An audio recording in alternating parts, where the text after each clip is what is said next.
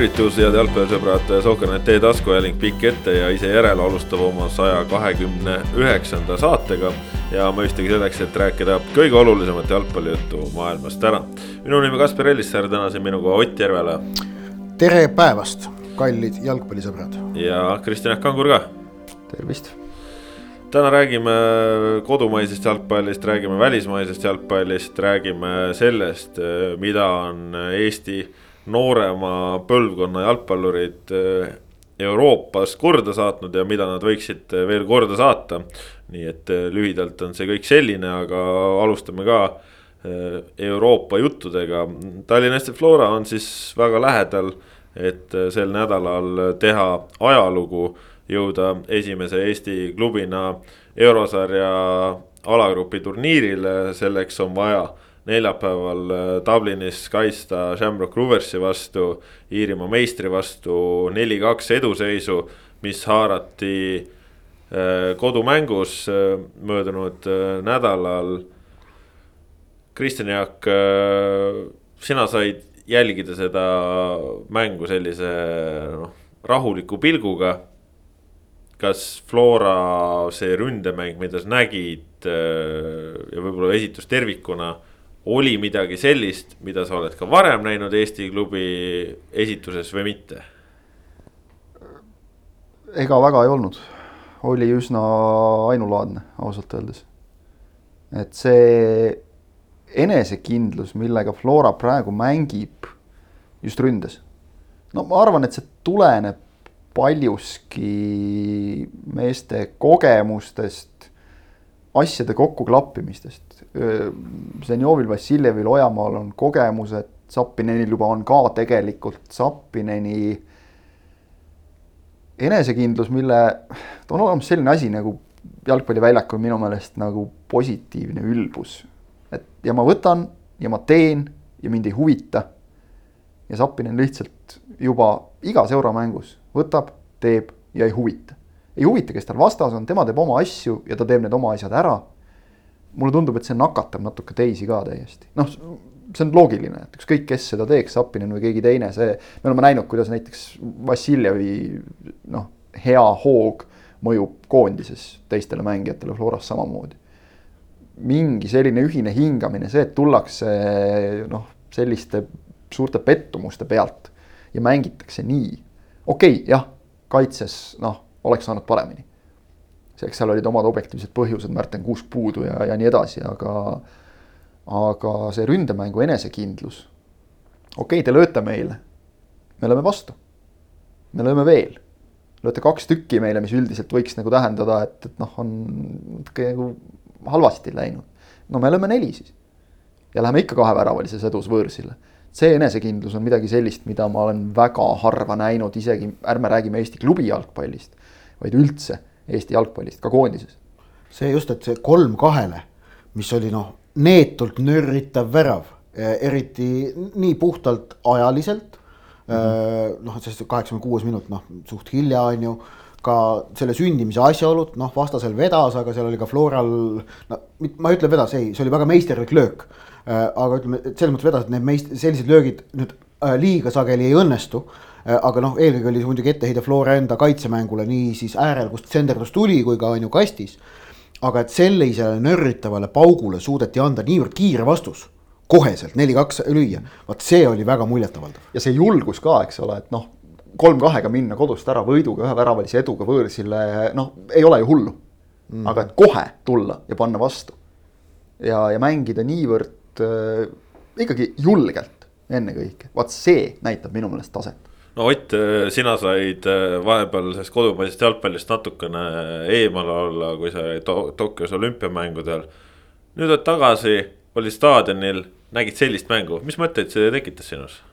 ei mõtteid, see, see, see Tokyos olek, ei see nagu ei seostu. ei no see, ei no see, et sa nüüd tulid tagasi ja nägid kodumaist jalgpalli ja. sellisel kujul, selles ei, mõttes. ei noh, ma olen Eesti jalgpalli päris palju vaadanud, ma nagu ei olnud selles mõttes midagi väga ootamatut, aga eh, see tõesti see ründemäng, mida Flora pakkus ja see mänguviis, kuidas nad seda mängu kontrollisid, ja no mitte küll üheksakümmend minutit, aga suures plaanis oli Floral noh, selgelt domineerivam pool.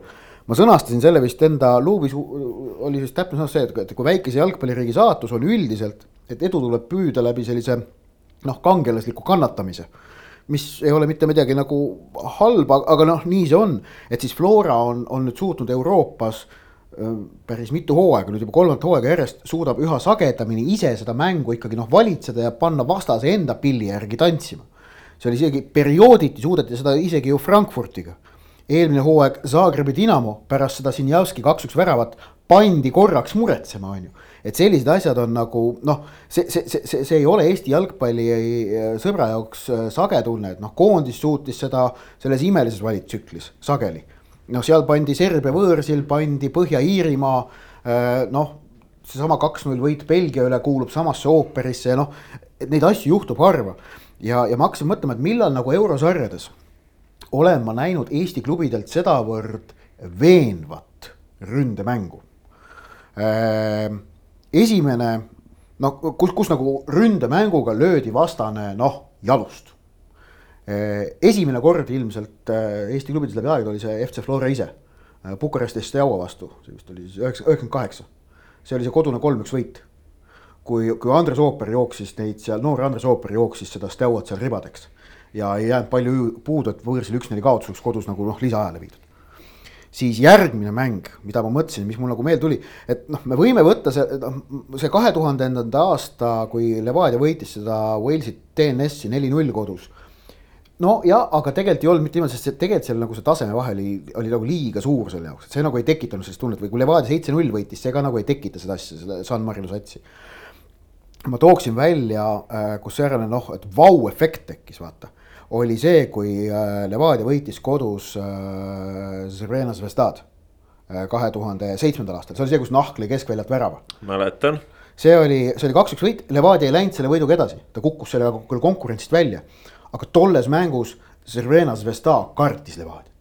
See oli, see oli see nagu noh, see, et seal mindi staadionilt ära küll, et Levadia oli langenud, aga mindi ära noh, sellise nagu uhkusega, pagan. Pandi praegu raksuma igast asendist, on ju, see oli vägev. ja siis ma tooksin veel välja selle äh, oli, oli samuti Levadia mäng, kui see vist oli Igor Prins oli Levadia peatreener, kui nad Praha Slaaviat võitsid kolm-üks Kadriorus. see vist oli Iljan Toonu tegi seal mingi kõva mängu, kui ma õigesti mäletan, äkki võis olla. Siim Luts mängis vist suht hästi. jah, ja see oli ka niimoodi, et noh, et see tuli ka ju mitte kuskilt. et kuidas nad nüüd sellise mängu välja tõmbasid kübarast, on ju. ja see, see, see tuli meelde no rohkem nagu väga ei tule ausalt öelda, et noh, et, et noh, Nõmme Kalju esitustest midagi. no okei okay,, Trakaiga neli-üks mäng jah, aga no see on Trakai on ju, ei tekita sellist vau-efekti, see oli pigem see, et noh, et pididki olema üle. samamoodi nagu ei, nagu ei tekita tegelikult ka ju Flora esimesed vastased sel aastal Hibernians. ja ei noh, noh võidad küll viis-null kahe mängu kokkuvõttes, aga noh, see ei tekitanud mingit noh, ei tekitanud mingit sellist nagu tunnet, et see oli ja. midagi vägevat või, või. ma tooks välja kaks tuhat neliteist, kui Poznani Lechiga mängiti üks-null Tallinnas. seal oli..., selles mängus oli, oli natukene seda, seda tunnet sees Aga, seal ka jälle muidugi lõpuks kaotati, eks ole, võõrsil null kolm ja langeti välja, aga, aga seal, seal oli, oli sellist. seal see mäng võideti. vastane nagu värises natukene, sellist tunnet, minul vähemalt oli. natuke, aga samas, ei no ta oli pigem oli ta ikkagi suht võrdne mäng ja seal nagu ma väidan, et selle üks-null võiduga nagu pigem nagu vedas. aga, aga vot, vot oligi, et Zrena Zvestal Levadia poolt mängiti kaks tuhat seitse, mängiti selgelt üle. ja, ja samamoodi nagu nüüd Flora mängis selle Shamrocki ikkagi selgelt üle ja, ja noh. see on huvitav, kuidas nagu erinevad mälestused on, et näiteks Kalju võit soomlastele HK üle, vot seda ma nagu mäletan, et see oli nii, et õnnestus kaks tükki ära lüüa ja, ja noh, kogu aeg oli see hirm, et tuleb, tuleb, tuleb vastu, sest mm -hmm. nad, nad surusid pidevalt ja, ja siis pääseti nojah, jah, jah. aga, aga see, see Poola mäng, see on nagu minu mälus miskipärast okay. nagu kuidagi kindlamalt, aga jah, rohkem neid noh, täpselt vaatad siin ka neid, neid vastaseid, eks ole, et noh, Acto B näiteks oli hea näide sellest, et kuidas tõesti. õudne kannatamine. õudne kannatamine ja, ja õnn. mitte, et see nagu ei oleks ei. väärtuslik, see on noh, super, et see ära tehti. see on aga veel kõvem, eks ole, teinekord. aga seesama, see Florence neli-kaks tekitab ka natuke teistsugust tunnet mm -hmm. ja noh, kahtlemata nüüd see tekitab tunded nüüd neljapäevase kordusmängu eel, et noh, on tekitanud sellist noh, bravuurset tunnet kõigis, ma usun ka, ma arvan, et ka Floras see ei ole tingimata nagu halb, et see ei tähenda, et see oleks üleolev, aga see tekitab nagu julgust. ma ei usu, et Floras nagu keegi nii-öelda lendu läheb selle pealt, et Seal- seda rõhutati pärast mängu ju ka, ka nagu väga palju seal Florale on eelistati. nii väljaku kõrval kui ka väljaku peal on teatud persoonid, kes seda bravuuri maha tõmbavad. just no, see oli just, see, et kui läheb kuidas üle nägite neli-kaks värava järel, kuidas Vassiljev luges meestele sõnu peale ja äh, tema ja Alliku juhtimisel neli-kaks eduseisus mängiti nurgalipu peale palli. Ja paaril puhul. ja noh, siin oli ju, oli ka see, et värava tähistamisel juba Jürgen Henn ei pidanud ka paljuks oma tsoonist väljuda ja, ja minna rääkima, et kuidas siis tegelikult võiks mängida, jah, jah, et, et noh, see kõik näitab küpsust ja, ja noh, ütleme samas see, et, et see üks-kaks lubati näiteks lüüa Shamrockil poole lõpus, see näitas jällegi seda nüüd haavatavust on ju. see oli väga halb värav jah, väga halb värav. aga see oli loogiline, sest seal oli kaks ohtlikku momenti olid juba eelnenud, see oli nagu tulemus. et, et, et, et noh, ütleme nii, et noh, selle neljapäevase kordusmängu eel noh, loll oleks mitte olla optimistlik. aga samas on see, see, et noh, et ei saa nagu öelda, et see asi nagu kindel oleks. on olemas vist hea väljend nagu ettevaatlik optimism. ja, ja et, et see, no olen nõus ja et, et nüüd hakata siin eeldama, et, et noh, niikuinii läheb käest, see oleks väga vale. aga, aga hoolikas tuleb olla, sest ütleme, kui nad nüüd löövad ühe, ärme unustame, et see on ikkagi ainult kaheväravaline vahe, üheksakümne minuti jooksul. aga, aga, aga noh, tõsi on ka see, et, et see Flora tekitatud noh, see, see vaimustus, mida Flora on nüüd selle mänguga, ma arvan, tekitanud, eelmiste mängudega no tekitas sellist julgust. aga nüüd see mäng võis tekitada küll nagu ikkagi sellist taval, ütleme neutraalses jalgpallisõbras, see, kes nagu iga, pidevalt ei jälgi Eesti klubi jalgpalli no väga palju neid jälgijaid ei olnud ka staadionil kahjuks seda küll, aga no loodame, et siis teleka ees oli rohkem, ilm oli tõesti, no ilm, ilm, ilm tõrjus, nii see oli ja, ja järgmine päev oli vaba päev, see tõrjus ka. keegi tõi hea punkti välja, eks et, linnast oldi väljas, aga, aga Ke- keegi tõi hea punkti välja, et selle, selle mängu turu, turundamiseks või üldse nende mängude turundamiseks, siin tuleb võib-olla natuke nagu just sellise tavalise jalgpallisõbra püüdmiseks nagu klubile ekstra tähelepanu pöörata, sest nii mõnigi võis nagu ära salvestada, et Flora langes meistrite liigast välja. Et noh, nüüd mida nüüd mängitakse, nüüd on mingi muu asi, kui teha selgeks, et, et see on nüüd nagu me mängime alagruppi saamise nimel. Et võib-olla see asi nagu nii hull ei ole, et, et noh, nüüd publik ei käi enam. No sa- olen, olen juba kuulnud nagu selliselt, et noh, umbes, et Eesti jalgpallipublik ei ole nagu seda väärt, et üldse, et saadaks gruppi, sest noh, ei osata hinnata, et et võib, võib-olla nagu natukene no ma, ma arvan, et äh, seda olukorda tegelikult kirjeldab hästi mängueelne pressikonverents, kus Sohkernet oli ainus kirjutav meedia koha peal. ka seda jah, mis on noh, ta näit-, näitab midagi selle praeguse olukorra see ei ole etteheide meie kolleegidele, vaid see on asjade reaalne seis, et, et muudel väljaannetel noh. kajastatakse seda, mille vastu on huvi. jah, niivõrd suurt huvi see sündmus ei tekita, et seal oleks põhjust olnud päev ennem kohal olla. nii oli, noh, et see on nagu asjade seis. aga jah, et, et see mängupilt ikkagi tekitas sellist noh, vaimustust. Ja ja see- on vägev. ja ärme unustame seda, et tegelikult ütleme siis noh, see oli siis nagu kolmas poolaeg juba järjest. sest mängiti ju sinna, sinna ots, sinna ette nagu väga võimas teine poolaeg Omooniaga, no pluss eks ole lisaaeg, aga, aga just see Omoonia mängu teine poolaeg mm. -hmm. see oli no vähemalt sama, sama võimas, sama enesekindel et- sama julge mäng. neli-kaks võit ja Rauno Sappinen jättis kaks sajaprotsendilist löömata. ma just, just tahtsin selleni jõuda, et äh, Rauno Sappinen tegi suurepärase mängu ja, ja pole teda nii halvasti realiseerimas ammu näinud. et äh, uskumatu, aga need kaks asja läksid ühtesse, ühte lausesse praegu. aga noh, see noh, kuidas Sappinen mängib, see on täiesti see, mi-, ta on äh, nii küpseks saanud ja ta on nii palju arenenud ja ta on nii suure stabiilsuse saavutanud ka rahvusvahelisel tasemel, me ei räägi siin, et. et ta suudaks neid, ma ei tea, et Kuressaarel lööb, ei ta ei löö Kuressaarel, ta on elu jooksul Kuressaarel vist ühe värava löönud, võib-olla nüüd on kaks. aga Kuressaarel ta ei oskagi lüüa, aga Euroopas tuleb värav, värav, värav koondises. stabiilsus. see Iiri ajakirjanikud muljetavaldav, mängujärgsel muljetavaldav. jõudsin mängujärgsele pressikonverentsile, noh, tähendab Iiri, Iiri ajakirjanik üks või kaks olid seal juba ees. Kaks tükki neid oligi, üks neist oli seal ja siis nagu panin endale arvutid paika ja, ja noh, aega veel oli ja siis lihtsalt äh, küsisin ka midagi noh, iirlaste etteaste kohta, et, et noh, et mis teil nagu valesti läks ja ta ütles, et noh, et et ikkagi kaitses selliseid vigu me ei tee, et see Lee Grace, kes neil puudu oli vigastusega, et noh, tema puudumine oli väga selgelt tunda andnud aga siis ütles ka siis ütles niisama ja vaatas otsa ja ütles, et Sapien, what a player, what a player. et noh, ja, ja okei okay,, Iirimaa klubi jalgpalli tase on Eesti omast natukene kõrgem, niimoodi noh, kui me võtame Euroopa kontekstis, on nende jaoks ka alagrupi jõudmine mitte ainulaadne, nad on kolm korda seda nad kümne aasta jooksul suutnud nende klubitseda, aga ikkagi harv. ehk noh, nad oskavad nagu noh, ütleme, ütleme, et kui nende suust tuleb selline kompliment, pluss neil, neil on ikkagi olemas äh, kokkupuude väga kõrge jalgpalliga läbi koondise ja selle kaudu, et nende koondised mängivad Premier League'is. Et kui sealt see kompliment selline tuleb, siis see ikkagi midagi minu jaoks tähendab, et, et sellist asja nagu niisama ei pillata.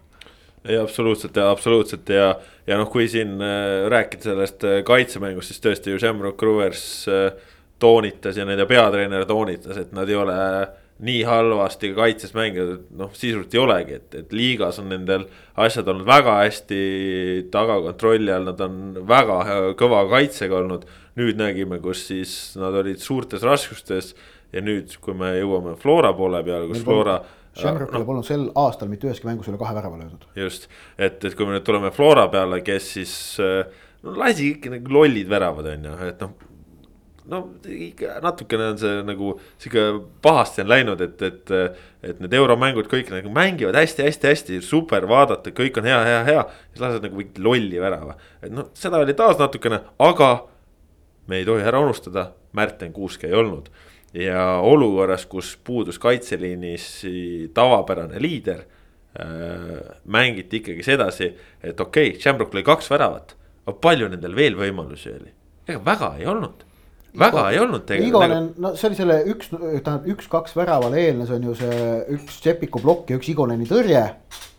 Rohkem väga ei olnud. no just, et ja, ja, ja see on nagu võistkonna. Postis käis ka üks löök, kaks, kaks-kolm värava eel, jah. just siis, kui ta jah, Igonen jäi jalad maas seda pilguga tõrjuma ja tõrjus ära pilguga, et eh, noh. see, see kõrvale jättes noh, tegelikult võistkondlikult suures pildis äh, oldi ka kaitsefaasis ju väga tublid et äh, aga noh, ongi jällegi noh, see põmm ja. Need olid sellised nagu pooljuhuslikud võimalused natukene, eks ole ka, et, et äh, seesama postilöök näiteks, see tuli ka kuskilt, nii et noh, mees proovis eemalt, et peaaegu tuli välja, et, et äh, suures plaanis jah, arvestades tõesti seda, et mängis Markus Seppik keskkaitses, kes ju ei ole väga palju mänginud ja oli, oli väga, tegi väga korralikku. väga korralikult mängis jah. et polnud nagu hullu. Hendrik Pürg pidi olema selles mängus kuuse puudumisel liider suutis olla, suutis vältida selliseid äh, prohmakaid, nagu ta on siin eelmistes ringides paraku teinud, et. jah, see oli, see oli Pürgilt tugev etteaste ja. ja seda oli hea näha, ma loodan, et ta selles mõttes võtab Just. siit seda, seda kindlust endaga kaasa ja, ja. ja no Martin Milleri ütleme siis igas mõttes nagu tõus ka väljakul, julgemalt rünnakule, väravate löömine, super. väravad, rõhutan, Miller oli see, kellest sai alguse üks-null värav, tema vahelt lõige ja sealt edasi Ojamaa, Vassiljev ühe puuta mäng on ju, aga, aga Miller ka selles üks-null väravas väga tähtis panus. no poolt. mida üldse nende väravate puhul rääkida, me nägime seal väga palju individuaalset meisterlikkust, aga ka seda meeskondlikku panust nendes väravates, noh, see oli nii meeletult hea. see oli nii ladus, kuidas see esimene värav sündis, kuidas see teine värav sündis.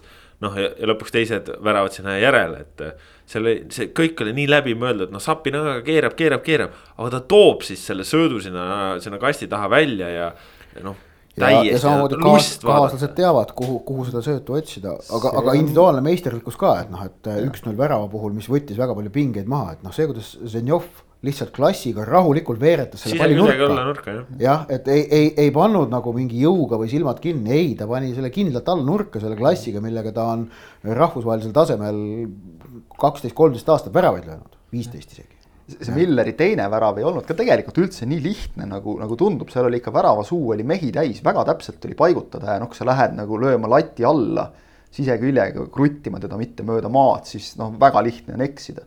külma rahuga. selles mõttes äh, ju Shamrocki esimene värav samamoodi, seal oli ka ju tropp oli ühes, ühes pundis koos, ma vaatasin, see värav löödi, ta tõstis pilgu ta vaatas mm, -hmm. parem väravosa on täiesti tühi ja rahulikult sihtis sinna lihtsalt, oli ka olemas. et noh, seal ka vähem kogenud mängija, mis iganes vähem kvaliteetsem mängija oleks võib-olla kiirustanud lihtsalt, et ma nüüd udjan, aga ikkagi noh see, see, see näitas ka ikkagi seda taset, mis Shamrockil on olemas. Nad oskavad väravaid lüüa, kui sa neile selle võimaluse annad ja noh, nende peatreener lubas, et nad löövad neljapäeval igal juhul Florale väravaid, nii et.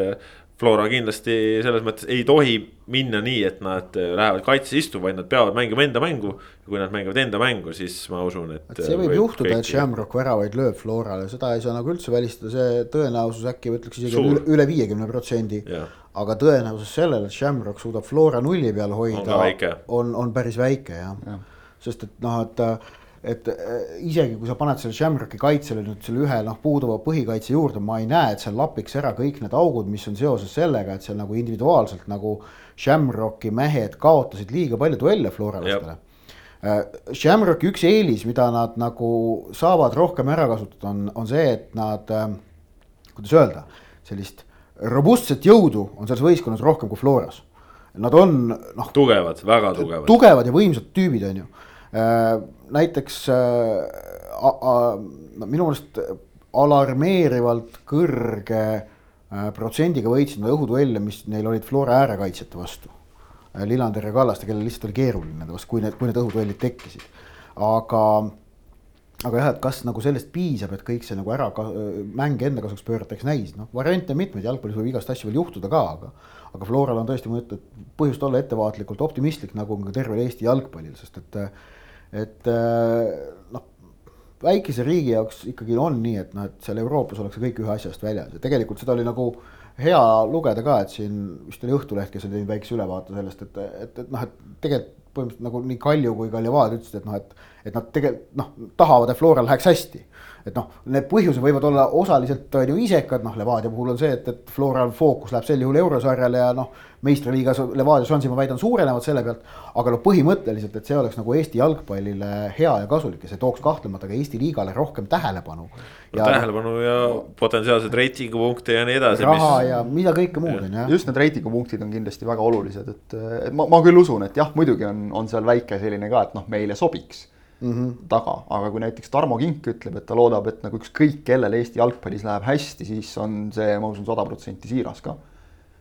mehed, kes on nagu ise omal ajal niivõrd palju pannud sellesse, et Eesti jalgpallil läheks hästi, et, et siin, siin ei loe see, et, et noh, on mingi rivaliteet või mitte mm. -hmm. Ja seda, seda oli tõesti nagu hästi tore lugeda, et see nagu niimoodi nagu väga selgelt, väga konkreetselt välja öeldi ja, ja noh, see on tore jah, no igatahes äh, loodame tõesti siis äh, parimat selle nurga alt, et Floral on äh, võimalus, väga hea võimalus neljapäeval ajalugu teha ja. ja on võimalus seda ajalugu teha jällegi Dublinis, kohas, kus Eesti koondis on play-off'i mänginud. ei läinud toona siis nii hästi, küll mäng viigistati aga kodumängust oli halb seis all ja, ja Eesti koondis finaalturniirile ei jõudnud kas nüüd äh, Flora äh, kümme aastat hiljem Dublinis suudab koha kindlustada alagrupi turniiril. kahtlemata seda loodame, tooks meile vahva sügise ja, ja noh, ikkagi natukene seda, seda tippjalgpalli hõngu veel siia, siia kodumaale juurde ja miks mitte võiks äh, panna alguse järjekordsele jalgpallibuumile, et meile see kõik ju meeldiks väga. no eriti kui koondis samal ajal mängib ka näiteks hästi veel seal kõrval, et, et koondis on ju valitsev Balti meister, nii et. koondis on kolm mängu järjest võitnud, et see nagu jah, koondis tekitas jah, see, see suve alguse koondise poolt loodud positiivne foon on natukene praeguseks on Nakkav. ju ununenud. selles mõttes, et noh, see. koondise plaanis jah. ja mõnda aega tagasi lihtsalt ja, ja, ja siin oli EM-finaalturniir vahepeal, mis nagu võttis väga palju emotsioone endale. ja noh, koondisest tuleb nüüd sellele Florale ju kohe otsa oma kolme mänguga, millest okei okay,, esimene on maru, maru keeruline kodus Belgiaga maailma edetabeli esimene number, aga noh, järgmised kaks on juba hoopis tehtavamad. koondise nimekiri peaks ka tänavu homme tulema? E, no tavaliselt ta kipub ikkagi tulema nüüd juba viimasel hetkel, et ma ei usu, et enne kolmapäeva tuleb ja, ja ei imesta, et kui ta tuleb natukene veel hiljem et.... no ütleme nii, et koondise peatreenerit on nähtud Tallinnas liikumas, nii et küll ta ikka ühel hetkel tuleb ka, ma arvan. No, aga ma tean, et paljud ootavad juba ise ka tegelikult põnevusega, sest meil on siin näiteks ütleme noh ründeliinis on tekkinud väga-väga eluterve konkurents. no Robert Kirsil peab kutse olema, ei ole varianti, et Robert Kirsil ei no, ole kutset. Eh, üks mees siin Hollandis mõned väravad löönud nüüd järsku ja, ja pildis nagu täiesti. ei no kui me mängime kahe ründajaga, siis neli head ründajat, kes löövad väravaid mm, -hmm. mahuvad ju koondisesse ära. jah, aga noh no.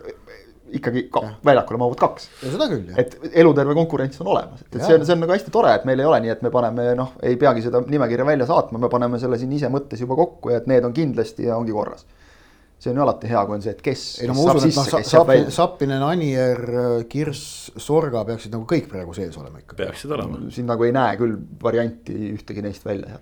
no aga jõuame sellest rääkida, siin koondispäevast tuleb, siis on meil koondise jutt söögi alla, söögi peale. Läheme ei, praegu no,. no ma võin nii palju öelda, et noh, et ja siis noh, see on nagu ilmselge, et Florat on selles koondise nimekirjas väga palju. jah on ju. on no,, see ei ole ka kellegi uudis, seda on kogu aeg olnud ei no see on kogu aeg, no lihtsalt nüüd võib olla veel rohkem, kui siin eelmistel kordadel olnud. no siin on, võib tähendada seda, et nüüd ongi juba see, et kas läheme Flora algkoosseisuga mängima või koondise algkoosseisuga. No, ei, see on nali, noh, Joonas Tamm peab ikka algkoosseisus olema. jah, seda küll. Karol Mets ka ei, ei ole siiski Flora mängija veel. veel jah noh, selleks ajaks, kui koondis koguneb, vaatame, mis olukord siis on. aga räägime ikkagi meestest äh, ka, kes on noorema põlvkonna esindajad ja kes on ka seotud Euroopa väljakutega. Maksim Baskotši, mees, kes siis äh, noh, Floras ei saanud oma võimalust, kui niimoodi öelda, et äh, läks Inglismaale mingisugusesse klubisse, mille nimi on Tottenham Hotspur. ja no seal nüüd siis sai konverentsi liiga mängus, play-off, esimene klubi selle hooaja esimene euromäng. Maksim Baskotši kaheksakümmend seitse vahetusest peale ja noh, kaotus tuli seal äh, portugallaste Paco Ferreiras aastaga, noh, see kaotus tuli selle pealt, et enne olid mehed halba tööd teinud, mitte. jah, no ei no mis ikka, Tallinna suurklubis ei saa löögile, siis lähed Londoni väikeklubisse, seal ikka saad. aga, aga et noh, paljud muidugi siin on ironiseerinud nagu ka selle üle, et Äh, või, või noh, nagu jälle mingi täiesti arusaamatu osadele omane sihuke soov nagu pisendada kuidagi asju. mees, see eurosarjas peale Tottenhami eest, lõpetage ära. et eks see null-üks kaotus on suuresti tingitud sellest, et noh, mindi ikka üsnagi sellised kohati nagu C-seltskonnaga täiesti, seal oli muidugi ka põhimehi, aga aga noh, ilmselt selline kaalutletud olukord, koduliigas olid väga tähtsad mängud kordusmänguks saab ju kõik seal Sonnid ja noh, mine tea, äkki isegi Kein soostub alustama, et, et äh, saab ju kõik peale lükata, kui vaja on. ehk et null-üks, ühega sealt tagasi tulla, see ei ole mingisugune halb seis, aga see, et Baskotši on koosseisus, see, et ta lastakse väljakule, see näitab, et ta on ikkagi noh, kui me paneme, ütleme, esimene ring on äh, põhikoosseis. teine ring on, ütleme, need mehed, kes noh, nagu selgelt konkureerivad hooaja lõikes vahetusmeeste, vahetuses saadavatele minutitele. ja siis kolmas ring on see, kes sellises klubis on olemas ja peab alati olema. kes enamasti on just Baskotši sugused noored tulevikumehed, kes saavad siis mängida karikasarju, eurosarjades vahetusest tulla, kui on natuke teine koosseis. seal see, see käik näitab, et Baskotši peale sai, näitab, et ta on kindlalt seal sees ja see on ikkagi ühe noore mehe kohta, kaheksateistaastase mehe kohta ikka väga kõva sõna. no see on väga kõva sõna ka selles mõttes, et eh, okei okay,, me räägime siin, et eh, võib-olla Tottenham mängis oma C koosseisuga sisuliselt või, või mis iganes B koosseisuga. aga nad mängisid Portugali kõrgliiga klubiga, kes tagas omale europääsme. Nad kaotasid null-üks ehk siis, kui palju meil on neid vendasid, kes suudaksid äh, Portugali kõrgliiga tasemel võistkonnaga praegu niimoodi mängida. Äh, sellise skooriga, sellisel tasemel noh, see on ikkagi väga suur saavutus ja, ja siin absoluutselt, siin ei olegi võimalik mitte midagi pisendada. Äh, kihvt on see, äh, või noh, see ütleme, seda on kihvt näha, et Baskotši on teinud siis äh, positsioonivahetuse praegu Tottenhami esindusest läbi. ta alustas suvistes treeningmängudes paremal äärel, parema kaitsjana ja ta ka nüüd tuli vahetusest, ta sekkus mängu ütleme olukorras, kus siis äh, mees, kes tema ees ära tuli, oli natukene tervisega kimpus, ehk siis see oli pigem sunnitud vahetus. aga et seal eelistati Baskotšit ja pandi ta sinna paremkaitsesse, noh see on kihvt, kihvt on näha seda, et ta on saanud seal hakkama, olen ka ise neid mänge vaadanud, kus, kus ta natuke rohkem minuteid sai siin suve jooksul. Ja ta täitsa sobib sellele kohale, ta on kiire, ta on palliga tugev ja ta on võrdlemisi nutikas. ja nüüd e vaatame Eesti koondist. just ja, ja Eesti koondises meil on äh, olnud selle, selle parema äärekaitsega natukene probleeme siin selle valguses, et kui siin tennistel on olnud tervisega probleeme.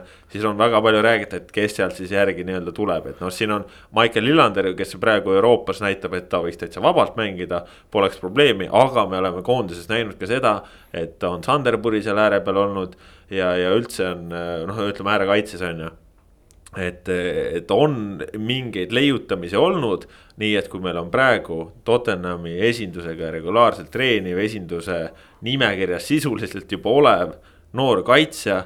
kes on Belgia. jah, ja kes on. noh, on palju kaitsmist. just, kes on saanud äh, mängida ka nüüd siis kõrgel tasemel, treenida kõrgel tasemel selle positsiooni peal noh, võib-olla me siis ka Maksim Baskotšist ei räägigi enam varsti kui keskkaitsjast, vaid räägime mängijast, kes on võimeline olema äärekaitses ja nagu teame, head jalgpallurid ikka kaitsjad alustavad käärekaitsest ja vanuse tulles lähevad niikuinii keskkaitsesse, on ta siis Sergio Ramos või on ta Ragnar Klavan, et nii see elu lihtsalt on, et ta võib. jah, et ta võibki noorena olla äärekaitse ja küll ta siis lõpuks tuleb ikka keskkaitsesse, aga, aga, aga lihtsalt see, et ta praegu seal on, noh, see, seda on vägev jälgida, ma ütlen ja, ja noh, väga vägev on jälgida, et Tottenhami hooaja teine ametlik mäng. Maksim Baskotši on peal, noh ma.... nüüd on ikkagi väga tähtis on see, et nüüd seal neljapäeval kordusmäng Spursi jaoks hästi läheks, sellepärast et äh, need eurosaar, Euroopa, vabandust, konverentsiliiga alagrupi mängud oleksid Baskotši jaoks ideaalne koht, kus ikkagi seda minutite arvu kasvatada. Premier League'is, oleme ausad, on, on keeruline näha, et ta, et ta seda usaldust pälviks aga kui nüüd sügisel läheb selles mõttes hästi, et Tottenhamil tekib selline mängude kuhjumine, et nad peavad mängima konverentsiliigat. Nad liigakarikasarjas niipea välja ei kuku ja selle kõrval Premier League'is läheb neil hästi nagu praegu, neil on maksimumedu. seda suurem on äh, peatreeneri Santo äh,. vajadus roteerida. vajadus ja soov, soov roteerida noh, konverentsiliigas kõige eelistuste kohaselt nad, nad, neil on noh, kui nad alagrupi pääsevad, neil on esimene asetus, nad saavad suht nagu lihtsa loosi. et on päris hea šanss, et neil on, ütleme kolme mänguga kolm võitu olemas. ja siis või, mängivad, kes vaja. jah, ja siis edasi lõppu mängivad sellega, kellega ke,, kes vaja on. ehk et ja noh, Baskotši jaoks iga minut on kulla hinnaga. jah, viiendas alagrupi turniiri viiendas voorus Tallinnasse Flora vastu saad rahulikult Baskotši saata, ei ole probleemi. just ma eeldan lihtsalt, et viies on Tallinnas, sest kuues oleks vist kuuendal detsembril, üheksandal detsembril või? siis nad viimases voorus kodus ei mängi ilmselt jah ja,. see on detsembrikuu mäng, nii et, et see jääta, novembri lõpp küll noh, on seal nädalake, kaks nädalat vist vahet, aga noh, seal on veidi, veidi parem. jah, jah et, et, et sellised asjad nagu noh, tuleb, tuleb nüüd väga loota, et sa, nad selle kordusmängu ära lahendavad, seda oleks Baskotšile väga vaja jah, see oleks äh, kihvt äh, ja, ja loodame tõesti, noh muidugi Tottenhamist vist sai nüüd mingi esimene klubi ajaloos, kes on kõigis. eurosarjades kaotanud. mängu, mõne mängu UEFA karikasari, UEFA karikavõitjate karikasari, meistrite liiga, Euroopa liiga ja konverentsiliiga. Inter Totos ka ikka tappa said mõne mängu. aga kas nad superkarikat on mänginud? vaevalt nad pole võitnud. aga kas ta karikate võit-, karikavõitjate karikasarja pole kunagi võitnud? Siis nad oleksid superkarikat mänginud, aga okei okay,. sellise seapõiega mängimise aeg, et kas siis üldse nagu oli superkarikat? seda kogu aeg ei ole olnud jah. see superkarikas on olnud jah siin paarkümmend aastat natuke peale. Tottenham no. ja superkarikas, need ei lähe kokku mõni aga räägime siis heinast ka jah. ja, räägime heinast ka. tasakaalu mõttes, et et, et, et kui Baskotši sai nüüd minutid kirja, siis paistab, et Karl-Jakob Hein no loogika ütleb, et ta pigem Arsenali eest niipea mingeid minuteid ei teeni, kuigi ta siis hooaja avamängus oli varuväravahiks. sest Arsenal tegi nüüd diili ära, kakskümmend neli miljonit naela, Aaron Ramsdale on nende nüüd varuväravaht Leeno järel. Äh, Okonkvoga on ka ju pikem leping tehtud, nagu noh, kõik Sokkerati kuulajad-vaatajad teavad ehk et äh, noh. no kuigi Okonkvost äh, leping lepinguks hierarhias on Hein pigem ees. on siiamaani olnud jah ja.. ma ütleks, et on, on, on olnud nii ja naa nagu. ikkagi kogu aeg on nii olnud, Hein on okay. ikkagi kogu aeg ees olnud tegelikult, noh, kui on tähtsad mängud olnud, siis on Hein mänginud. et on Kokvo sai seal mingeid mänge siis, kui Hein oli esinduse juures ära või midagi muud sellist äh,. aga, aga nüüd on jah seis see, et, et, et mida nagu Heinaga edasi tehakse, et see on nagu lahtine, sest et äh, noh, nii palju kui on aru, vaata Heina lepingut on alles üks aasta ja ta ilmselt ei rahuldu sellega, et olla Arsenali kolmas, kui talle isegi seda pakutakse vaid ta pigem tahaks olla kuskil vähemalt number kaks. et no tal oleks vaja noore mängijana ikkagi mänguaega teenida, seda enam, kui ta on tõusnud siin praegu ka koondise esiväravvahile, väravvahiks, siis on noh, neid minuteid on, on vaja ka arengu mõttes ja eks ta on oma klassi teatavat juba ka näidanud, on ju, et mm. -hmm tal oleks kindlasti oleks jah mängida vaja, see on nagu täiesti selge. Heinaga on selles mõttes nagu üsnagi noh. nädal aega on veel minna. jutumärkides lihtne, et äh, ilmselt kõikidele osapooltele kõige sobivam oleks see, ma just jäin mõtlema, sa ütlesid, et Ramsdale toodi teiseks väravavahiks. praegu küll, praegu küll, aga noh, ega, ega teda nagu nüüd ta toodi ikkagi nagu selle teadmisega, et ega nad seal Arsenalis Bernd Lenoga liiga rahul ei ole. ta ei ole ikkagi päriselt. sa ei nagu... too varuväravahtja endale sellise raha eest. just, ta ei ole kes, nagu, Leno, Leno ei ole ootusi nagu päris õigustanud, et see on natuke võib-olla sarnane olukord nagu Manchester Unitedis David De Gea, Dean Henderson. et sa lasedki neil konkureerida ja siis vaatad noh, teinekord sellest, et on nüüd väärt konkurent olemas no ega tegelikult ei ole seni Lenol nagu sellist meest olnud kõrval mm. -hmm. teised on olnud ikkagi sellised selged teised väravahid, Ramsdale ei ole selgelt no, teiseks toodud. Martines oli ja Martines müüdi ära. Martines ei, Martinesesse ei usutud miskipärast. Martinesesse ei äh, usutud enne, kui ta oli ära läinud, ma ütleks jah et ta siis näitas et, seal, et ta on et, mängumees, et, et noh, ta ei saanud võimalust. Arsenalist oli ikkagi nagu noh, ta oli ikka klass madalam ja pärast seda ta on näidanud, et äkki ta ei olnudki klass madalam. no, ja noh, see, Leena... see klassika, et kui sa ei mängi, siis sul ei ole enesekindlust, kui sa stabiilselt mängida ei saa, Aston Villas sai ja tõestas kohe, et ta on tegija jah, ja noh, Leena puhul on tegelikult ju suvel räägitud ka, et, et äkki ta läheb kuskile, on ju, et. noh, nüüd vist on juba natuke nagu hilja hakata no,. nädal aega on veel aega ja, ja selle aja jooksul võib juhtuda. kõike. no ja, ja noh aga kõige tõenäolisem Arsenalist lahkuv väravaht on ikkagi Hein. praeguse seisuga küll jah, aga noh. mis, mis, missuguse diiliga siis. jah, aga missuguse diiliga, mis kujul, et noh, et ja. kui me võtame, paneme paika ideaalstsenaariumi Eesti jalgpalli seisukohast, käigu, olgu see siis välja käidud, on see, et Hein, kellel praegu on lepingut Arsenaliga üks aasta alles. sõlmib Arsenaliga uue sellise noh, pikendab seda kas kahe või kolme mm -hmm. aasta jagu, noh ilmselt tähendaks see ka on ju palgakõrgendust. ehk siis kokkuvõttes jõuab äh kokkuleppel lepingu pikendamise osas, mis on olnud tegelikult teemana üleval mm. ja mida on Arsenal soovinud, aga mis tingimused seni ei ole Heinale sobinud. et niipidi on just olnud, mitte et Arsenal Heina ei tahaks, vaid Hein ei ole no, no nõus nende pakutud tingimustega, mis ja. on normaalne, sest et ja. ta on koondises ennast tõestanud mängumees, ta on väärt nagu ja. mingit teatavat tasu. ei, seal vist ei ole küsimus. isegi väga mitte raha, vaid. palgas, vaid staatuses just. ma mõtlen just jah, just tahtsin öelda tasu nagu laiemas tähenduses, mitte raha mõttes. et et aga noh, et ideaalstsenaarium oleks vast Eesti jalgpalli seisukohast võttes, kas me tahame, et Eesti jalgpalluritel läheks rahvusvahelisel tasemel hästi, et ta teeks jah, selle lepingu pikenduse Arsenaliga, siis äh, siirduks nüüd juba jah, nüüd suvel laenulepingul kuhugile Inglismaa, ilmselt mõnda madalamasse liigasse. klubisse, kus tal oleks võimalik olla. võib, võib vabalt, vabalt siirduda ka näiteks mõnda Kesk-Euroopa liigasse kõrgliigasse. nojah, või midagi sellist jah, no ühesõnaga laenule kuskile. ja siis naaseks aasta pärast laenult Äh, Bernt Leeno tehtaks järgmine suvi, müüdaks Saksamaale kuskile ära ja Hein oleks Ramsdale'i järel Arsenali number kaks. see meeldiks. lihtne on ju. kas ma jään mõtlema, et Inglismaa siseselt laenata minu meelest saab veel mõnda aega pärast akna sulgumist. äkki saab. allapoole võib saada. allapoole, allapoole jah, just no.. et, et see noh, see on veel nagu lahti, et, et see, see nüüd ei ole, et nädala pärast see uks ka kinni läheks mm. Aga noh, selge on see, et eh, noh, esindusvõistkond ikkagi tahab oma mingisugust suurt plaani paika saada, on ju, ja, ja noh.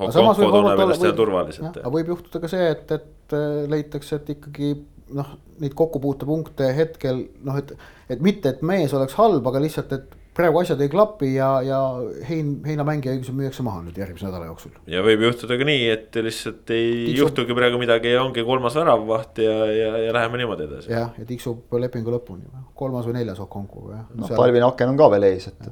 et seal on see häda lihtsalt, et tal on kolmas, on tal, et vaata, see, kuna kolmas väravvaht on positsioon, mida kus, kus sa ei pea alati lähtuma sportlikest kaalutlustest, vaid sa võid vaadata visioonikalt. et noh, et siis on seis see, kuna Okonkvoga on pikk leping ja heinaga ei ole, siis hooaja keskel ta ilmselt kolmas, kaotaks selle kolmanda väravakoha. ei ära. pruugi selle nurga alt, et äh, kolmas väravaht ei saa üldiselt mängida. Äh, kui no, kahtekümmend kolm on ju. no seda küll jah ja,. et seal võib ka niipidi olla, et noh, see on neid asju on palju, jalgpallimaailm on keeruline. igatahes noh, võib tulla uudiseid, ei pruugi tulla, igatahes me loodame, et äh, Karl Jakobein ütleme, et temaga seonduvad tulevikuasjad saavad ka head lahendused ja et kõik läheb hästi, sest häid lahendusi oleme näinud siin ka värskemast ajast, Erik Sorga sai siis Ameerika maalt tulema, liitus äh, Hollandi esiliiga klubi VV Venloga saate Sokkernetist lugeda ka, eelmisel nädalal sai räägitud nii Sorga enda kui Sorga agendiga, et mis seal nende liikumiste tagamaad on ja, ja mis on mõtted. see on kõik Sokkernetis kenasti leitav, aga nüüd siis Sorga sai debüüdi ja veel millise. kaks väravat, üks kannaga, teine lihtsalt väga hea lahendamine ja kaks-üks võit ja, ja noh, mees on Hollandis juba sangar mitte ei saanud debüüdi, vaid tegi debüüdi endale, ütleme niimoodi. jah, tegi jah. võttis ja tegi. võttis ja tegi jah, see oli kõva. Eh, no need väravad mõlemad meisterlikud, aga, aga tõesti, et noh, et ja, ja vaata eh, mis nagu on muljetavaldav, on ikkagi see, et noh, Sorga tuli sellele mängule ja üldse ju peale selle pealt ta polnud poolteist aastat korralikult mängida saanud või kaks no, aastat tegelikult isegi. no ma, ma arvan, see on natuke liialdav, võib-olla aus, aus hinnang on see, et ta ei ole umbes kolm-neli kuud saanud regulaarselt mängida. regulaarselt mitte, aga sellist korralikku mängurütmi tal pole kaks aastat olnud ju tegelikult. pärast mm, -hmm. pärast Florast lahkumist, ega kaks tuhat äh, ei sorry, noh. poolteist jah, poolteist, et kui ta kaks tuhat kakskümmend äh, läks koroona tõttu täiesti nagu noh tuksi, okei okay,, ta selle kahe, kahekümnenda aasta lõpus natukene sai seal USA-s aga nüüd kakskümmend üks oli ka täitsa nagu. no aasta alguses sai ka ju. ta no, ei olnud midagi. ikkagi Unitedis kordagi stabiilne põhimees pikka aega. ei, seda küll. seda ei olnud. ja see, see, kui me räägime siin enesekindlusest ja asjast, siis see ründaja enesekindlus, väravaid ju ka ei tulnud. Väravaid ei tulnud, kui ta käis koondises mängimas, noh, ega, ega ta liiga veenev nendes mängudes ei olnud, seal muidugi noh, oli ka raske. näha oli, et vormi ei olnud, seda tahtis, teravust ei olnud. tahtis, püüdis, see oli kõik viis pluss. otsused olid õiged, aga just, teravust ei olnud, vaata ja, ja et noh, kõige selle pealt noh, väga keeruline periood noorele ründajale, mõtle, millise nagu noh, sellise ootustega ta DC Unitedisse tegelikult läks. No, väga... tahtis ise lüüa rohkem väravaid kui Wayne Rooney. no absoluutselt ja, ja noh. see oli normaalne oli, oli ka põhjendatud enesekindlus, mille pealt ta läks, ta oli väga hästi nagu mänginud ja ta oli ka koondise oma esimesed väravad kaks tuhat üheksateist lõpus ju kätte saanud.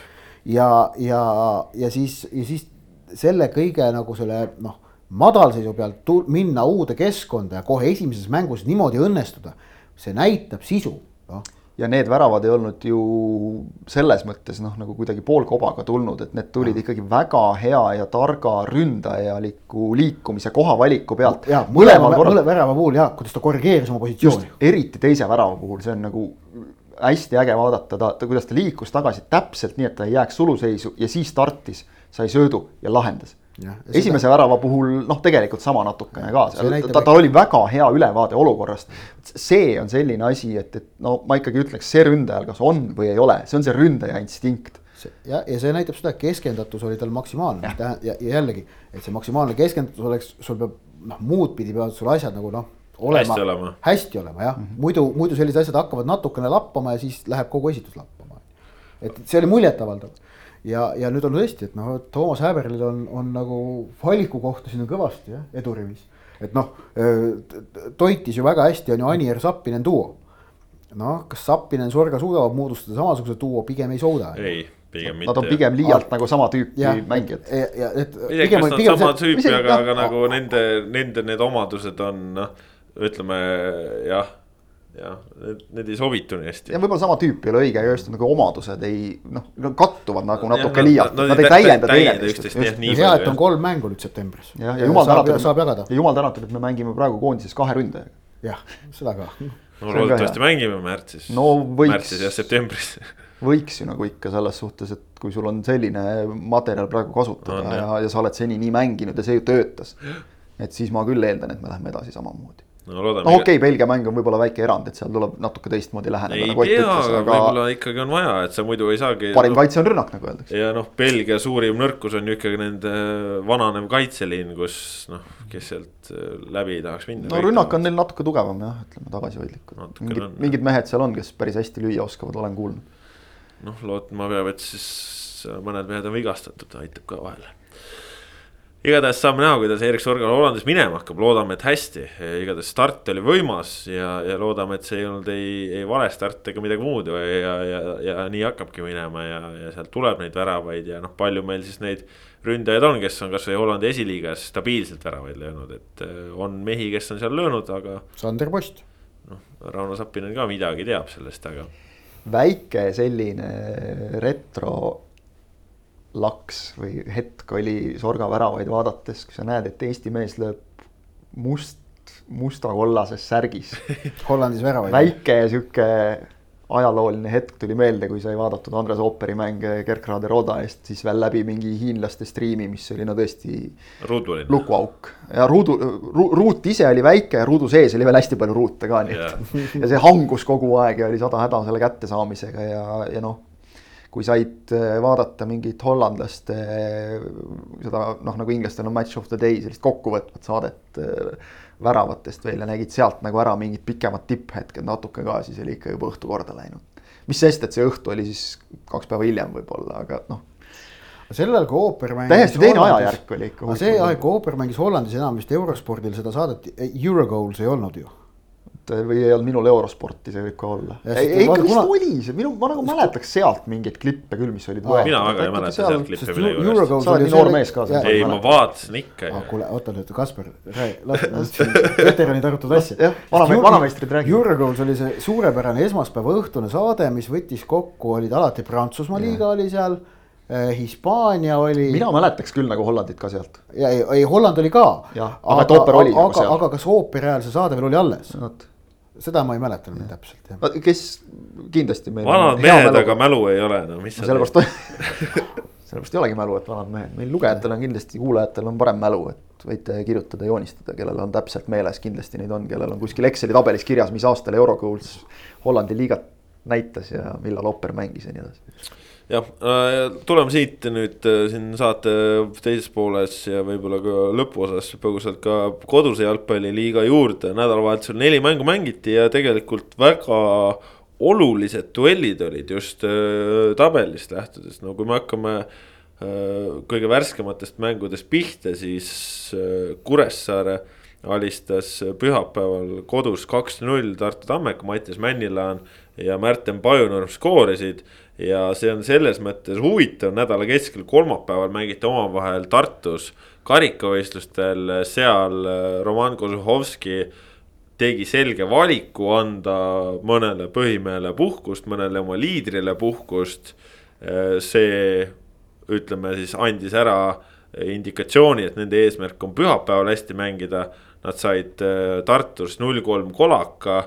Ja noh, mina olin küll ikkagi seisukohal või arvamusel, et, et siit võib-olla Kozlovski natukene nagu kaevas oma lauda, et okei okay,, et ajas mehed vihaseks ühest küljest aga noh, kui sa saad ikkagi, saad tappa, lendad karikast välja ja su konkurent saab kindlust juurde, siis sa oma liigamängu eelsete seisu nagu liiga heaks ei tee. aga noh, tundus, et äh, selles mõttes äh, Kozlovski teadis, mis ta tegi ja, ja ohverdaski teadlikult karikavõistlused, et äh, oleks siis vähem segavaid mänge ja, ja vot noh, karikavõistluste häda on see ka, et siis sa võid järgmine, järgmise aasta sügisel võivad euromängud segama hakata, et seda pole nagu ka vaja. Jube hakata sega-, et hakkab segama Kuressaare kahe tuhande kahekümne teise aasta hooaega, see noh, selles mõttes ettenägelik käitumine jah. targa treeneri tunnus ikkagi jah. Aga ei no vaevalt, et ta nüüd seda mängu, seda karikamängu nüüd nagu ära läks andma, eks ole, Ei no, kindlasti mitte, no aga, sa pead sa pead valikud- tegema mingid valikud täpselt ja, ja liiga on ikkagi hetkel nagu märksa, märksa olulisem ja ütleme liigas noh, Kuressaarel, kes on harjunud madistama seal allotsas.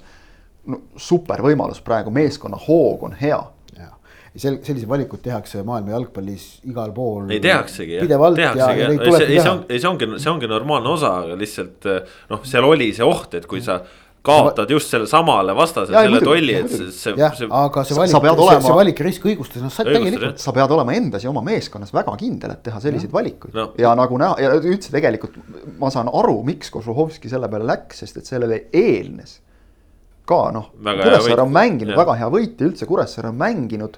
Ma ütleks, et viimase nii umbes kuu jooksul ikka oma maksimumi noh, üsnagi Mööli lisandumine on ikkagi Jaa. mängu muutunud.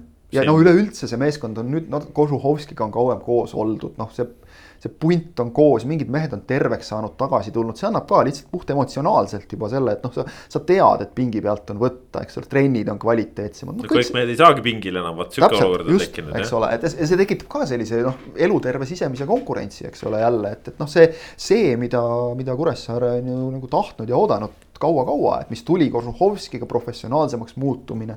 kõik see noh, ilmselgelt need mehed, need mehed naudivad, naudivad seda, et, et noh, kes nad tegelikult on ju olnud profid kõik, noh, sa, sa ei tee töö kõrvalt sa ei mängi meistriliigas töö kõrvalt jalgpalli, kui su suhtumine ei ole professionaalne.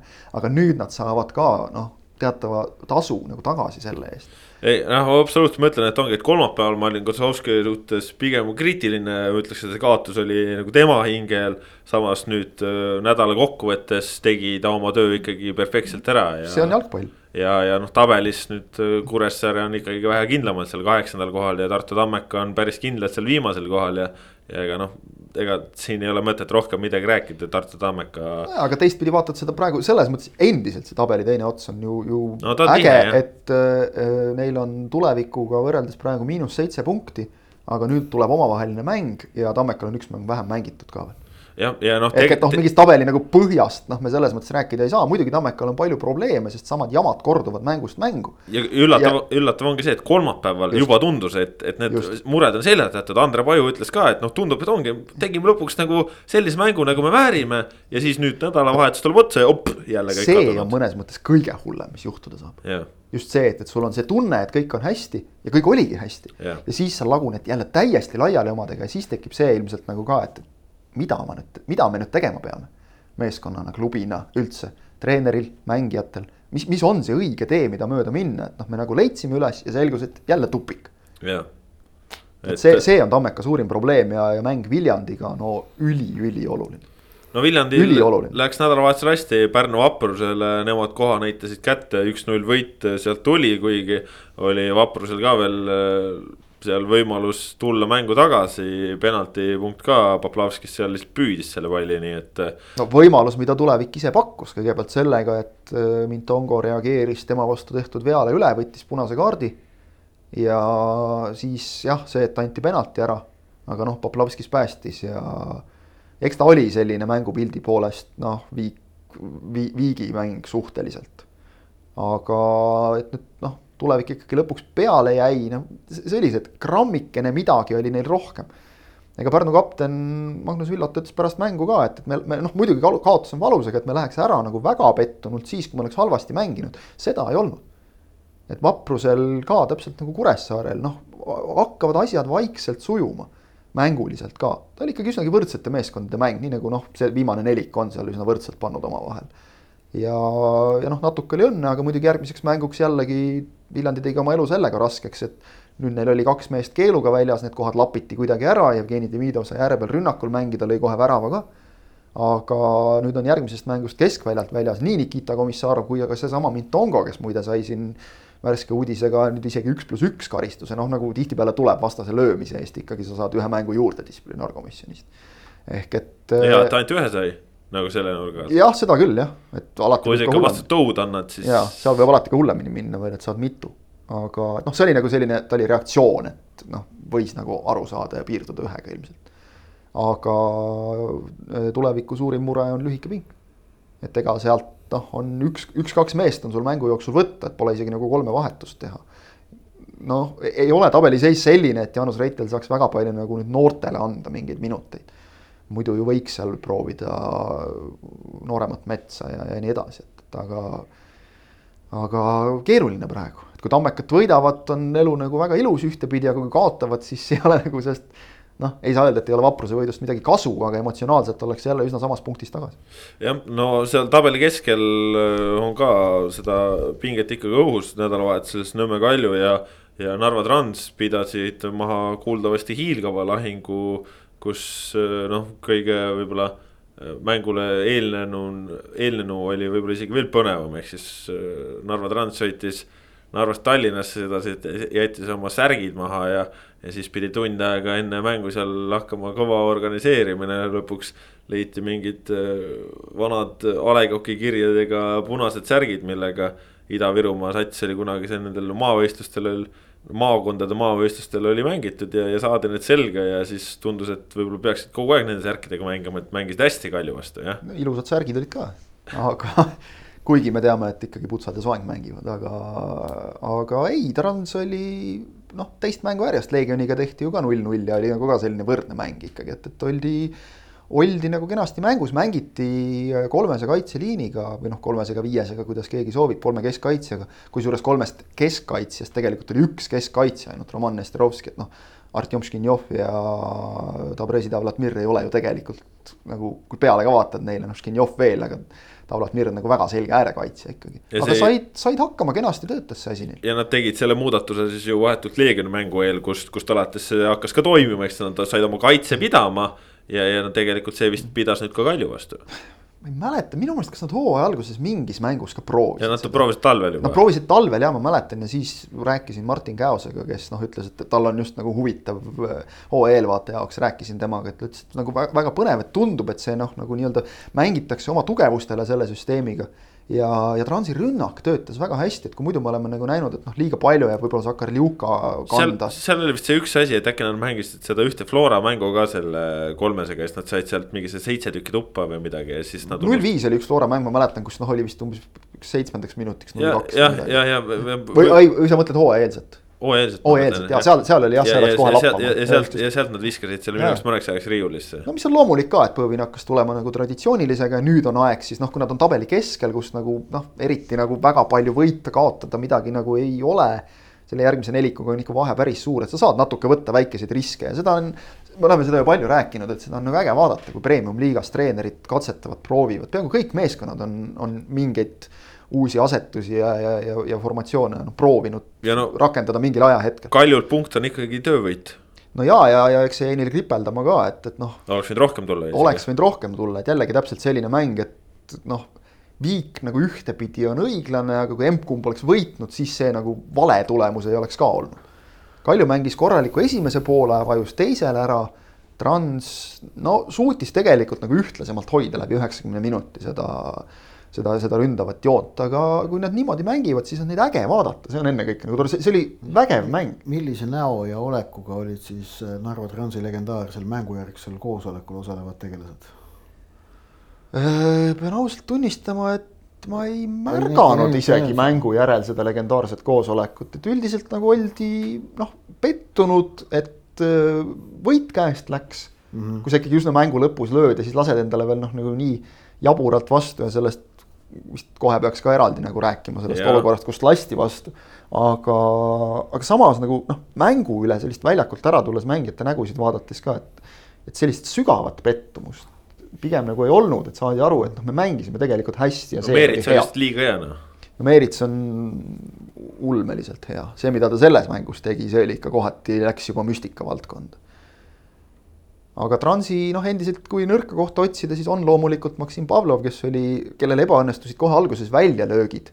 küll läks mööda maad peaaegu ja siis tuli üks hirmus pilvekas sinna otsa ja ta oli nihuke täitsa nagu hädas sellega ja. ja saad kohe aru, et noorel väravavahil see tõmbab enesekindlust alla, aga mis torkas selles mängus silma, et noh, tõrjetel, joonel, seal ta on hea et seal nagu on, mille peale ehitada, et kogu see võistkond on tegelikult selline, et, et Narva vajab stabiilsust. Narva vajab lihtsalt no kogu nagu Narva jalgpall seda. see ei olnud ainult jalgpalli kohta öeldud. ka seda muidugi jah, igas plaanis. aga ka peale jalgpalli jah, aga et, et seal ma nagu vaatan, et seal, seal on meeskond nagu, kust rahulikult selle treeneriga ehitada ja ma ütleks, et Põõvini näol on, on, on hea leid no aga Seega, räägime sellest äh, räägime. Viigi väravast ka, et äh, see siis lõppkokkuvõttes selline, kus äh, Nesterovski lükkas peaga omale tsenderduse, aga küsimus on selles, et mida tegi mängu peakohtunik, oli Kristo Küljestinen. oli. et seal on olukord, kus, mis oli Alex-Mattias Tamm jookseb küünarnukiga näkku Artjom Škinjovile, Škinjov kukub maha, jääb karistuse alla lebama, hoiab näost kinni. kohtunik vaatab selle suunas, mees hoiab näost kinni peavigastused, tuletan meelde. ja ei midagi, mängime edasi, see mees on seal maas pikali, samal ajal tuleb senderdus ja, ja sealt sünnib värav. kas, kas see on õige käitumine, okei okay,, küll hästi näitas, et viga seal ei ole. aga kui mees, no korduses on ju näha, et see küünarnukk käib, käibki tal näos ära, et hoiab peast kinni kas peaks peatama, ma arvaks, et praeguste reeglite järgi nagu kohtunik peaks seal mängu seisma panema. mitte, et vastane lööb värava olukorras, kus sul üks vend hoiab peast kinni ja on seal maas pikali. ja kastis pikali maas nagu esiteks noh, ta ei mängi ja, ja samas ta nagu segab seal ka natukene, eks ole, et, et see jah, ma ütleks, et see kokkupõrge oli nagu õnnetu juhus. seal tõesti viga kui sellist ei, ei pruukinud olla. aga oli olukord, kus pall jõudis karistusalast välja Pavel Marinile, kes oli siis nii-öelda karistusala ja otsajoone nurga ei juures. olnud jah see, et ta oli seal kaks sek- ka, nagu sekundi olnud, on ju. ta oli seljaga värava poole, kaks transi kaitsjat olid tal juures, ehk seal oleks saanud mängu seisma vilistada. loomulikult oleks see toonud kaasa Kalju õigustatud pahameele, sest noh, neil oligi ju lubav rünnak. Marin mängis palli välja, Kulinitšilt tuli tsenderdus ja keskelt pall väravas. et nagu nende, nende lubav rünnak peatati, aga reeglid seda lubavad teha et no ütleme, mängu alguses läks kusjuures üks otsus nagu selgelt minu meelest kohtunikul valesti. kus ta vist Vitali Kalenkovitšile, kui mälu ei peta, andis kollase kaardi küünarnuki kasutamise eest õhuvõitluses. no nii palju, kui mina korduseid vaatasin, siis see oli küll täiesti tavaline õhku hüppamine, et lihtsalt nagu õnnetu juhus, et, et käsi tabas vastast, aga nagu mingit küünarnuki liigset ülestõstmist ega viga nagu minu pilk seal ei täheldanud, et kas nüüd kuidagi ta tajus ise, et võib-olla see läks, et see mängis mingit rolli, et nüüd ei no, fikseeri. vastupidi oleks pidanud mõjutama. no ja no ma ei tea, no ma ei kujuta ette. et kui Covid sai ja nüüd sai Skinjov äh....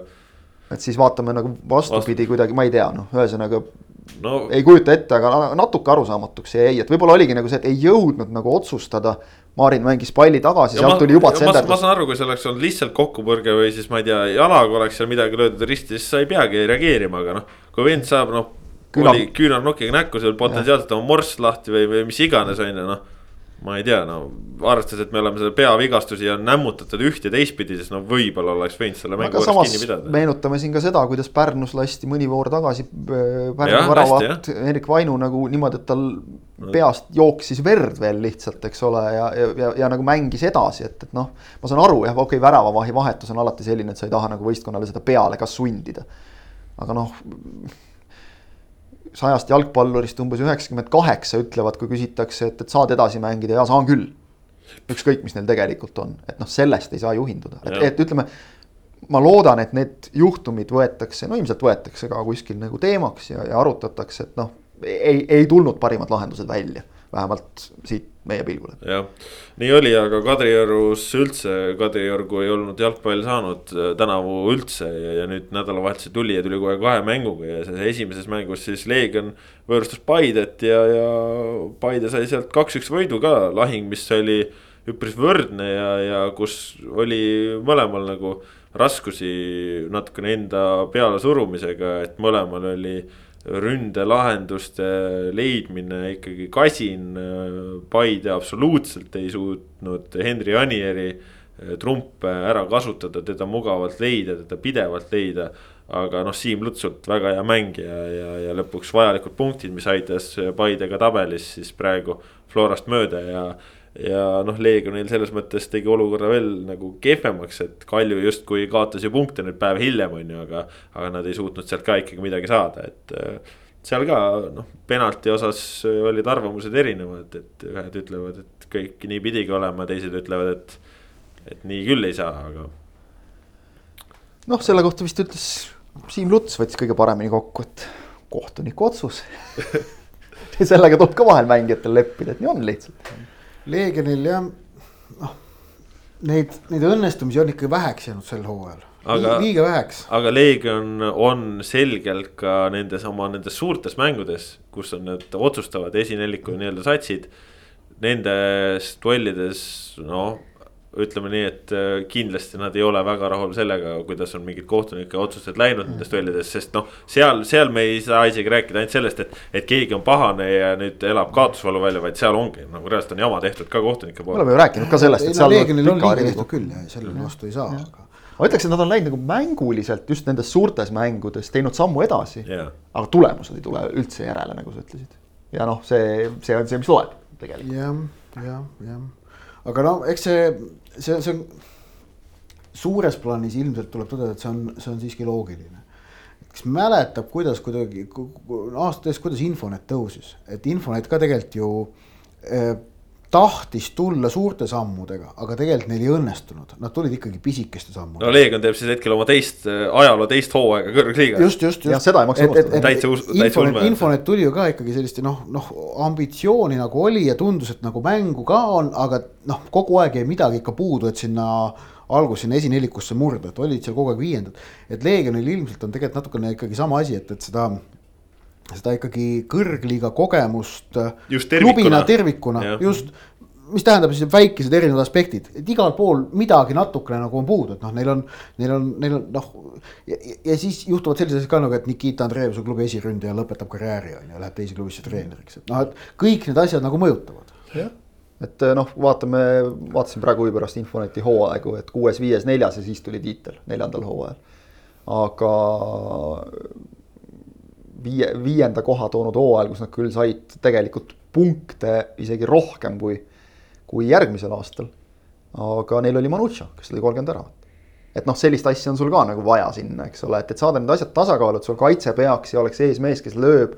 Leegion otsib seda ja, ja ma arvan, et noh, nad peavad ise nagu väga rahulikult võtma, neil on need asjad väga hästi ju selles mõttes, et neil on püramiid olemas, noh, neil on nagu, neil on klubi Neil ei ole esindusmeeskond, neil on klubi ikkagi no,.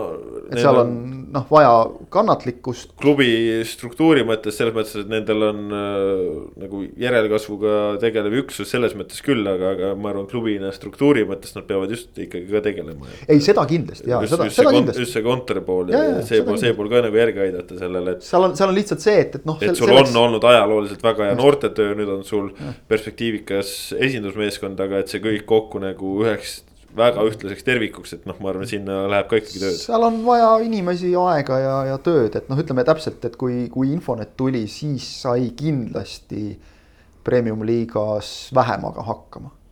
et see pool on läinud, noh, seda me näeme isegi mingite klubide pealt, kes ei ole uustulnukad, et kui sa nagu jääd korraks tukkuma selle poole pealt. et siis noh te, teised kogu aeg liiguvad edasi. et, et see, see kontori pool, see, see on ka väga oluline, sest klubidel on lihtsalt ülesandeid niivõrd palju ka juurde tulnud et noh, iga inimese ööpäevas on kakskümmend neli tundi. et see, see käib nagu noh, ka siin, sa ei saa ikkagi naljalt tänapäeval teha nagu Eesti jalgpallis enam vähemalt nagu oluliselt kontori poole nagu olulistes ametites nii, et, et sul on mingid kaks-kolm ülesannet, noh suurt ülesannet kanda. ei jõua lihtsalt. et seal, seal on noh, kindlasti Leegionil juurde panna, aga, aga ma ütlen, et noh, see püramiid on see, mille peale nagu saab ehitada seda tippu jah, no saame näha, igatahes premium-liiga saame ühe voorukese veel vaadata ja siis koondise paus tulemas, nii et siis on natukene premium-liigas vaheldust, aga noh. mis meil siin nädalavahetusel on premium-liigas midagi head ka tulemas või? no premium-liigas on alati head tulemas. no sa tead küll, mis ma küsisin, et noh, et mis meil siin nagu minu, minu meelest on üks tippmäng oli ka ju jah, Levadia Kalju on ju vastamisi meil tuleb kõva. Leegion ka ei ole. A Le Coqil tuleb kõva, kõva pühapäev, et kõigepealt kaks mängu järjest A Le Coqil premium liigas vist ei olegi ju enne niimoodi mängitud, karika nädalavahetused on olnud mitu mängu järjest. aga pühapäeval kell kolm Levadia Kalju ja kell seitse Flora Leegion saab kindlasti olema väga huvitav, arvestades, et noh, mis, mis koosseisuga Flora läheb sinna noh, et kas Flora tuleb hea tujuga või äh, masenduses on ju. ja noh, alustuseks juba, eks ole, reede, reede õhtul on kohe see tulevik Tammeka meie, meie ülekandes. ja Flora võib olla noh, teoreetiliselt mänginud ka sada kakskümmend minutit, et mm. siis kas et, jah, sihuke krampidest lonkav vanameister tuleb platsile või, või tulevad noored peale. Kaimar Saag laenab seda jalutuskeppi selle taga Savak aga noh, vaata Transvaprus, Paide, Kuressaare seal tege-, tegelikult on ka intriigi küllalt, eks ole, just Paide, Kuressaare muidu hooaja eel oleks vaadanud, et ah, mis, et noh, pole midagi, nüüd on seal küll ja veel pole. mööli tervi jah. Nii nagu, nii nagu TNT-l mängiti siin, mis meil oli, Demidovi derbi. ja, ja, ja kõik need, selliseid jagub, aga see on ju noh ongi, äge. aga läheme siit täitsa saate lõpetuseks veel, kuna me siin kohtunikest rääkisime ka, siis kohtuniku osas äh, Ott on ka mingisuguse tähelepaneku teinud, mis rahvusvahelises jalgpallis on silma jäänud. ei noh, natukene Premier League'i vaadanud siin möödunud nädalavahetusel ja, ja silma torkab see, et või noh, mitte ei torka silma, vaid seal nagu ka peatreenerid räägivad, Jürgen Klopp ja Ole Gunnar Sulcher, mõlemad on, on tulnud siin nüüd esimese, noh, mis see Premier League'i hooaeg on kümme päeva vana on ju. tulnud selle aja jooksul välja jutuga, et, et kui niimoodi jätkub, siis meil tulevad vigastused ehk et nagu näha on, et Premier League'is on praegu hooaja alguses lastakse ikka silmnähtavalt jõuliselt mängida.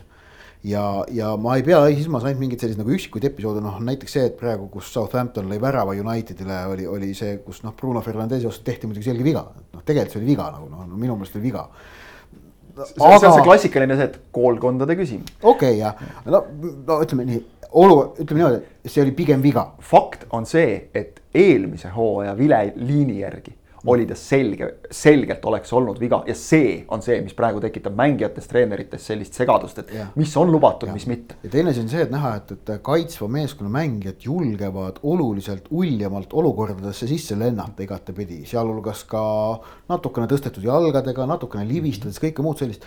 ehk et Premier League on praegu nagu noh, andnud sellise, kuidas öelda. tagasi juurte juurde või? noh, kas tagasi juurte juurde või jah, on antud selline ge- get out of jail card kõigile mängijatele taskusse nagu mängu alguses on nagu Monopoli mängus.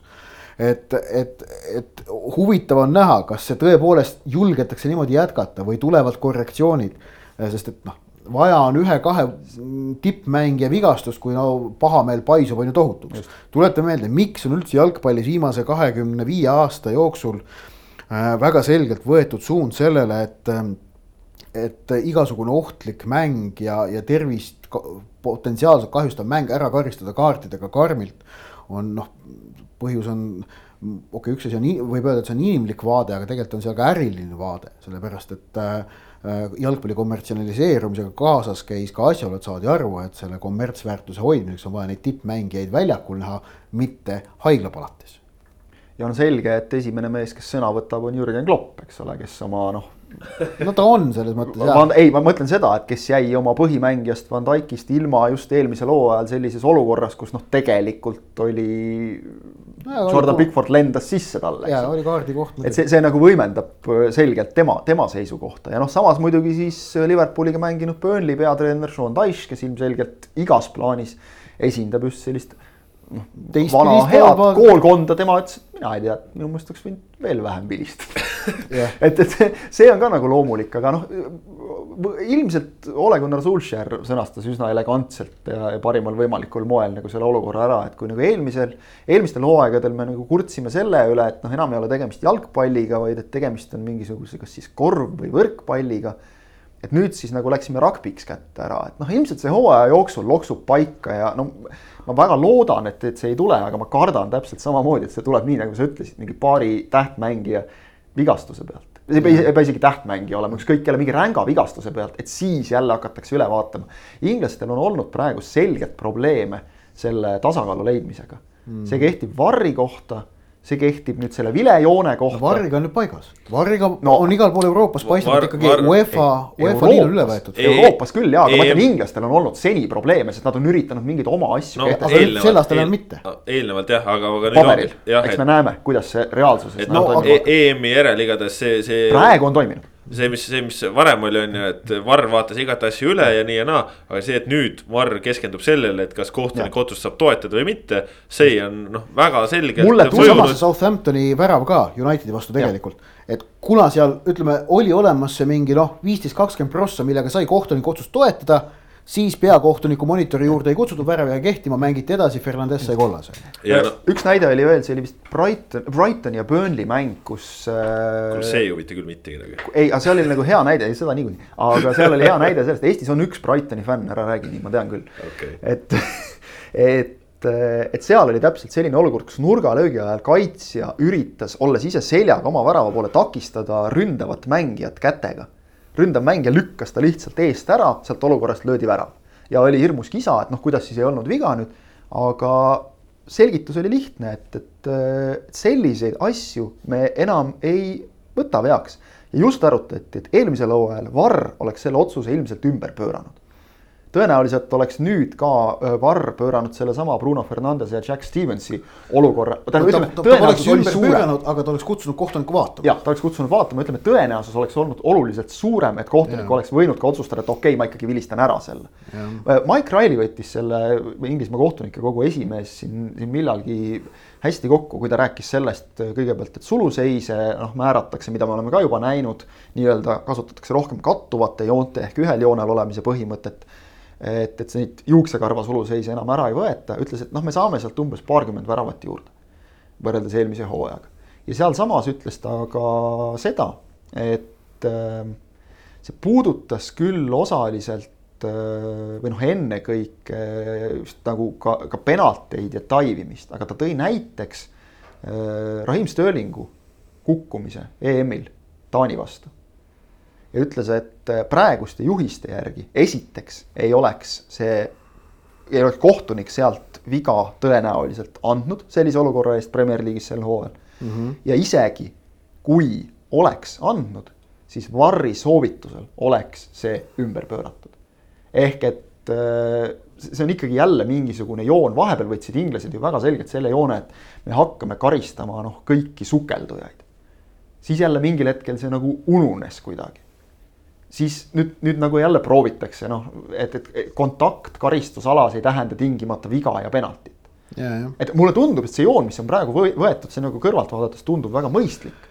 aga küsimus on kaua selles, kaua sellega kaua vastu sellega vastu peetakse just kui, kui Kloppid ja Sulsherid ja kindlasti veel paljud võtavad selle vastusõna, et tegelikult ju noh, juba on ka Inglismaa mängijad on natuke nagu nurisenud, et uute reeglite juurutamiseks või põhimõtete juurutamiseks oleks selleks vaja mängu selliste noh, oluliste tegelaste toetust, kelleks Klopp kahtlemata on, tema sõna maksab Inglismaal väga palju, sellele pööratakse palju tähelepanu. Ja nüüd, kui ta kohe esimese kahe vooru järel ütleb, et äh, kuulge, et see on jama, mis me teeme, siis on nagu jälle tekib see olukord, mis, mis oli siin nagu Varriga, et noh, kohtunikud on lollid, et seda ei taha keegi tegelikult et, et ütleme, inglastel see eneseotsingute periood minu meelest endiselt kestab. no inglastel käib, aga tõesti selle varri osas on, äh, siin on juba nüüd teistest liigadest ka näha, Bundesliga, äh, La Liga näiteks, et, et ikkagi see, see joon on küll üle võetud, et kui on võimalik kohtunikku toetada, siis varr leiutama ei hakka ja siin Hispaania pealt on juba päris mitut sellist olukorda näha olnud, kus